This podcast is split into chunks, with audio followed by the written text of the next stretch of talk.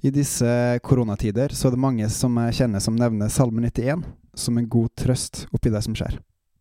Den drar fram Guds beskyttelse og trofasthet i tunge, tøffe tider.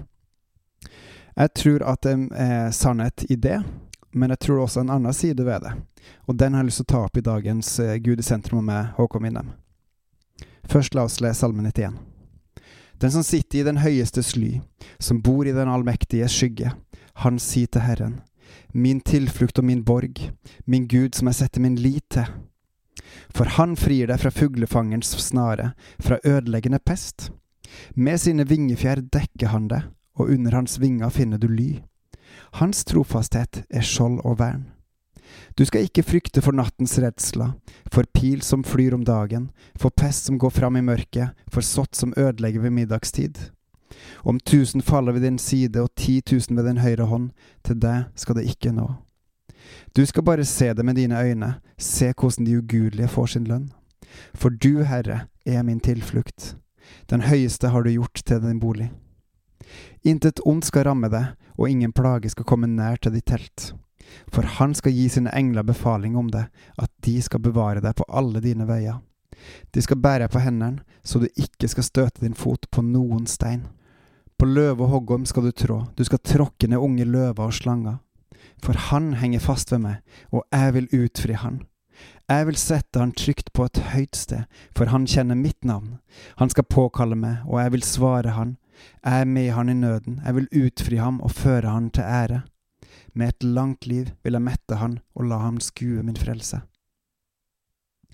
Gud er god, Gud er nådig, Gud beskytter sine, han tar seg av alle de som er hans, han gir oss gode gaver.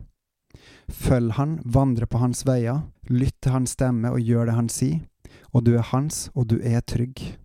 Jeg tror det er mange av oss som tenker at når Gud sier dette, så gjelder det kun for denne jorda, for denne verden. Men jeg tror også at det er veldig viktig å dra fram det at det finnes et annet rike. Det finnes et himmelrike, et Guds rike, som er det evige, som er det sanne og det gode. Og det er der vi er trygge uansett hva som skjer her på jorda. Det er ingen tvil om at Gud holder sin hånd over sine. Det er ingen tvil om at Gud gir gaver til sine. Og det er ingen tvil om at Gud sørger for sine, og gjør til at de vokser. Og en kan ut ifra Salme 91 tro at så lenge en holder seg til Gud, så vil en være trygg fra alle farer som truer. Absolutt alle. Da tror jeg det er viktig å trekke fram at Salme 91 er én av mange kapitler i hele Bibelen. At det finnes en tosidighet, en samtidighet inni her. Du kan f.eks. trekke inn visdomslitteraturen som inneholder Salmers ordspråk, Forkynneren og Jobbs bok. I Salmers ordspråk så går Salomo fram og forteller om alt det gode som følger med de gudelige, de som følger Gud, de rettferdige, og alt det onde som kommer til å skje med de urettferdige, de ugudelige, tåpene. Der ser du en veldig sånn type, litt mer sånn svart-hvitt. Det går bra med de som følger Gud, og det går dårlig med de som ikke følger Gud. Men så kommer jo eh, forkynneren fram, og så sier han at det finnes ingenting her på jorda som er til å stole på.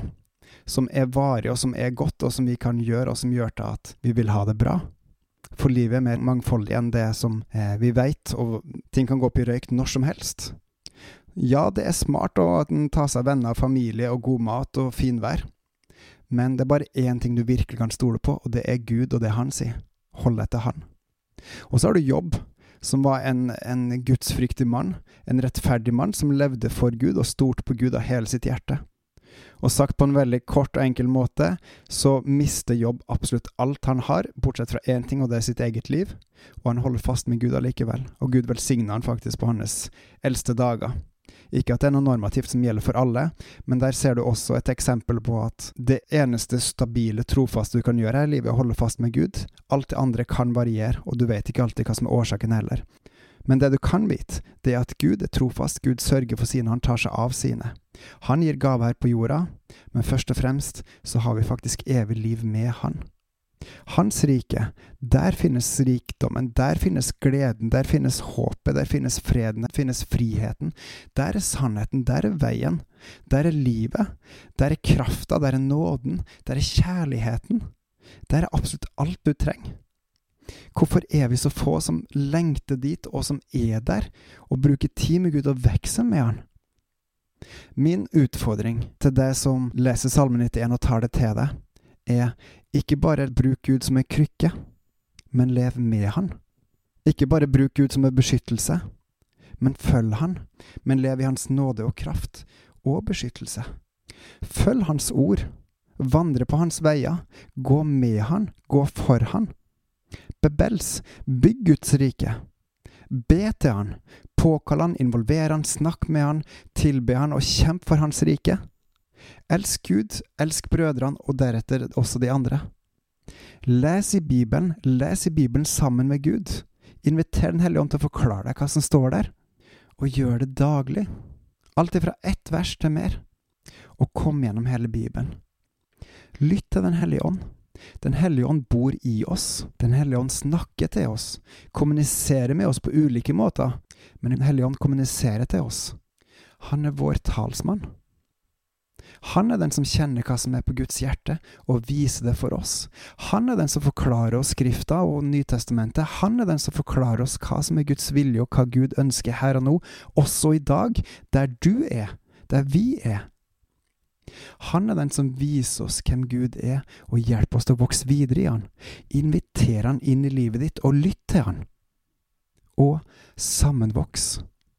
Ikke vær en og en som tilber Gud her og der.